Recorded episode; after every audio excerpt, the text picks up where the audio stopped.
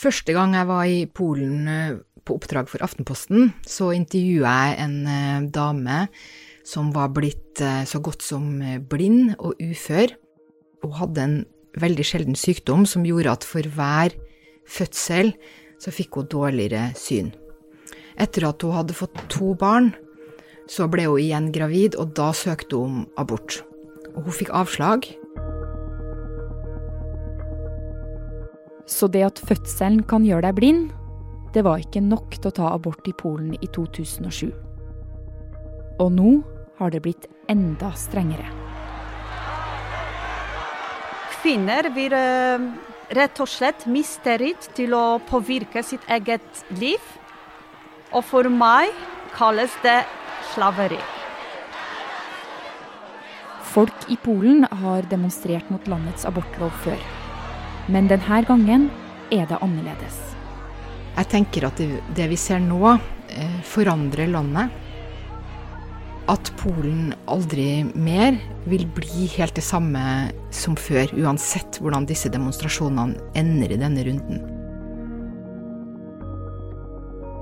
Du hører på Forklart fra Aftenposten, og jeg er Marit Eriksdatter Gjelland. I dag er det torsdag 29. oktober. Kvinner som søker abort, skal møtes med respekt. Her i Norge har kvinner hatt rett til selvbestemt abort siden 1978. Nå skal vi gå i tog! Og det er politisk enighet om at kvinnens rett til å bestemme over egen kropp trumfer rettsvernet til et foster. Det handler jo om noe helt fundamentalt i livene til folk. Og det jeg har lært når jeg har vært i, i Polen og snakka med folk som tenker veldig annerledes enn en jeg gjør selv, det er jo det at altså hvis du er dypt troende eh, og mener at eh, det er det samme å, å, drepe et foster som å drepe et menneske, da er jo ikke dette noe man kan drive og kompromisse med. Sånn at eh, Og så mener man dette i, i, forskjellig grad, og noen er mer pragmatiske enn andre, men det ligger jo et sånn fundamentalt ulikt eh, menneskesyn eh, under. I Polen har det vært vanskelig å ta abort siden 1993. Da kom en lov som sa det bare er tre gyldige grunner for å ta lovlig abort.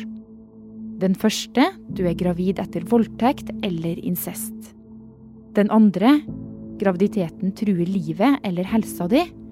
Og den tredje det er skader på fosteret. Men de her unntakene ble praktisert strengt. Og i forrige uke ble loven endra. Og grunn nummer tre er ikke gyldig lenger. Hvis fosteret er skada, må kvinna likevel føde. Forestill deg at du er gravid gleder deg til å bli mor, så får du ultralydundersøkelse eh, som viser at det er en alvorlig feil med fosteret. Også det er i seg selv en tragisk situasjon. Og her havner du i en situasjon hvor du ikke kan bestemme. Tenk hvor forferdelig det kan være hvis du må vente i mange måneder for å føde et barn som skal begraves. Hva skal egentlig kvinner bruke de månedene på? Ikke på å glede seg, kanskje på å finne den vakreste kisten som barnet skal begraves i. Katarzyna Tarnowska har demonstrert utenfor den polske ambassaden i Oslo flere ganger siden den nye loven ble vedtatt.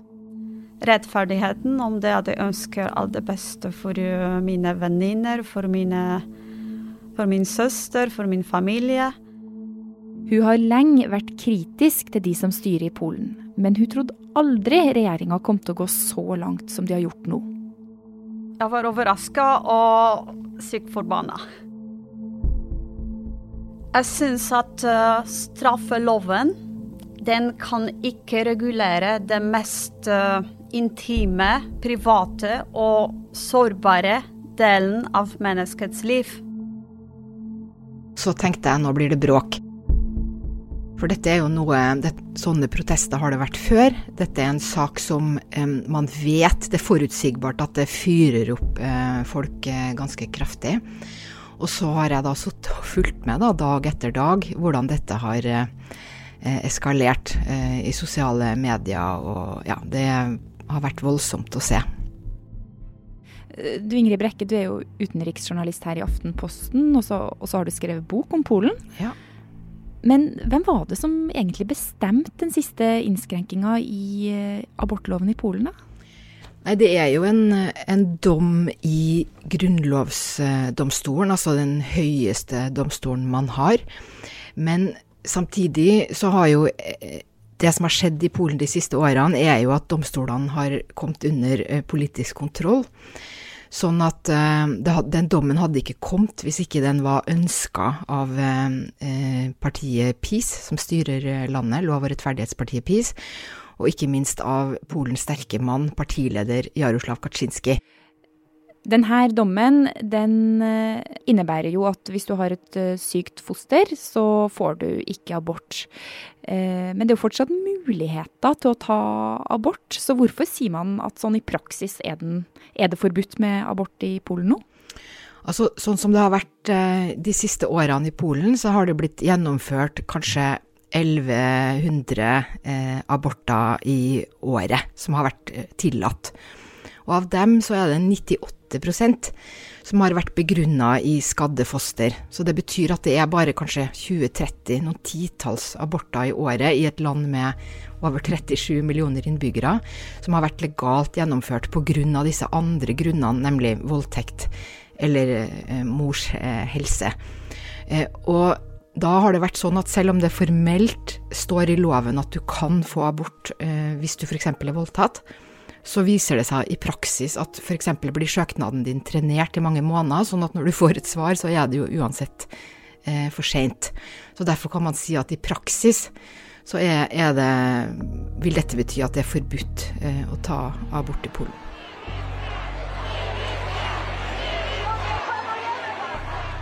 Protestene i Polen nå samler folk ut i gatene i de store byene. Men ikke bare.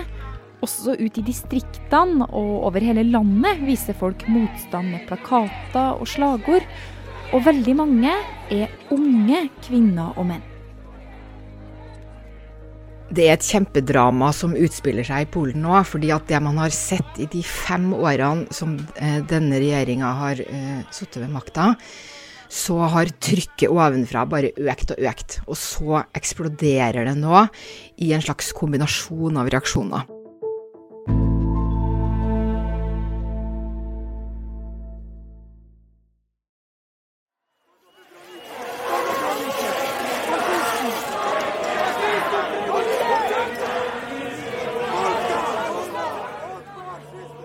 Kvelden har senka seg over Warszawa, hovedstaden i Polen.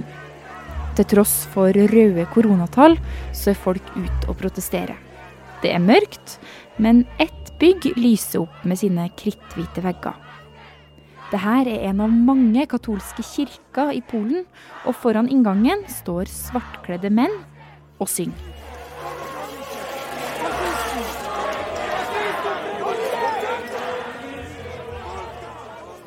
Høyreekstreme har stilt seg opp foran flere katolske kirker i det siste for å beskytte dem mot demonstranter. For etter at abortloven ble endra, så har kirka blitt tagga ned, og pavestatuer har blitt ødelagt.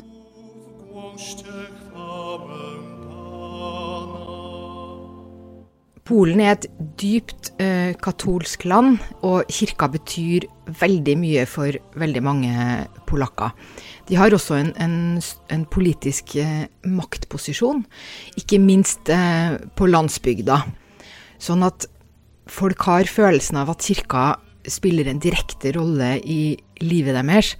Og når de da etter hvert mister tillit til kirka, eller blir skuffa over som, hvordan prester og erkebiskoper og sånn oppfører seg og snakker, så er det noe som handler om hele samfunnsstrukturen. Nå har folk mange grunner etter hvert til å være skuffa over kirka. F.eks. har det vært pedofiliskandaler også i Polen, som vi har sett i den katolske kirka i hele eh, verden. Og kirka har tatt veldig lite ansvar for dette. Bare fordi um, noen politikere mener at kvinner er utspekulerte, at de får nesten glede av å ta abort. Det stemmer ikke. Så det er det som, uh, som gjør meg forbanna. At, at, staten, at katolsk kirke, ikke stoler på min samvittighet.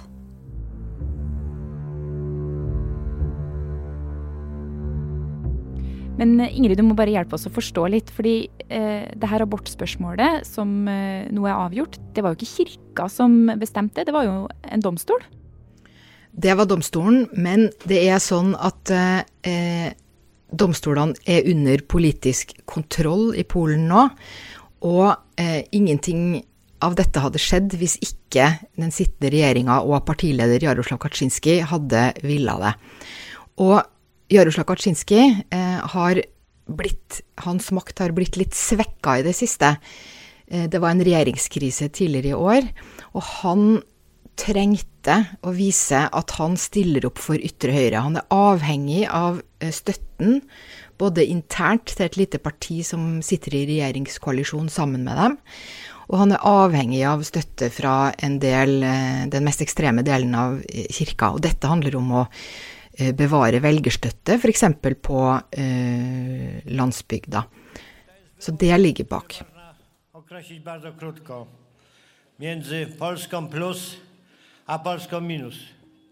Partiet som Jaroslav Kaczynski leder, heter Partiet for lov og rettferdighet, forkorta PiS. Og det er det største regjeringspartiet. På toppen av regjeringskrisa i sommer, så er det også helsekrise i Polen som i resten av verden. Dette handler nok også om at eh, under eh, pandemien så har Polen opplevd veldig harde tiltak i vår. Det har hatt store økonomiske konsekvenser. Mange har eh, mista jobben, hatt eh, økonomiske problemer. Sikkerhetsnettet i Polen er ikke på langt nær så godt som det vi har i Norge. Så jeg vil tro at den frustrasjonen også spiller inn i tillegg til eh, frustrasjonen med kirka og med regjeringa, og også hvordan begge disse har håndtert eh, pandemien.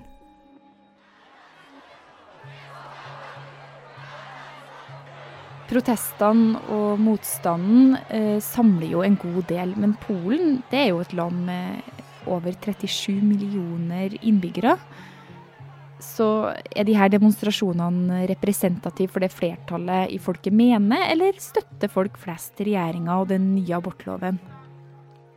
Det, det, er vanskelig å vite akkurat hvor mange som nå støtter demonstrasjonene, og hvor mange som støtter eh, denne dommen. Det man vet fra før, det er at flertallet av polakkene har eh, støtta den loven som var før. Det har bare vært et lite mindretall som har ønska en eh, strengere abortlov, eller et totalforbud. Denne loven, som har, som har gjeldt helt fram til denne dommen, den er gammel. Eh, den er fra 1993 og har vært kjent som et eh, kompromiss som har hatt støtte. Nå er dette eh, satt i, i, spill. Jeg tror at eh, godt over halvparten av det polske folk syns at dette er ille. Og så kan man spørre seg ja, hvorfor, hvorfor gjør han det da, når flertallet av folket eh, ikke vil ha det sånn? Og her kommer jo igjen dette politiske eh, maktspillet inn. Og det er verdt å merke seg at det er tre år til neste valg. Så de har nok også tenkt at eh, ja da, det blir masse bråk, det er forutsigbart, men dette eh, kommer folk til å, å glemme etter hvert. Men all den motstanden vi ser fra Polen nå, kan det endre noe i landet? Det jeg tror, er at vi ser en slags kulturforandring utspille seg. Altså i, i lang tid så har det jo vært en voldsom spenning i Polen, fordi landet er omtrent delt på midten mellom det man kan kalle liberale, altså folk som tenker sånn ganske likt det vi gjør i Norge, og de som er mye mer konservative og religiøse, og som ønsker seg et veldig sånn katolsk, vi vil kalle gammeldags eh, Polen. Men tidene forandrer seg jo. Eh, unge folk tenker annerledes. Eh, og så blir det et spill da, mellom disse to kreftene, og nå ser vi for første gang at nye generasjoner for alvor gjør seg gjeldende med helt andre eh, holdninger og synspunkt enn som har vært vanlig i Polen.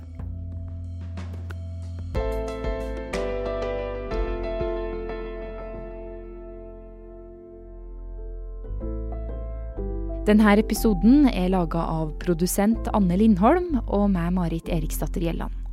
Resten av Forklart er Karoline Fossland, Andreas Bakkefoss og Fride Næss Nonstad.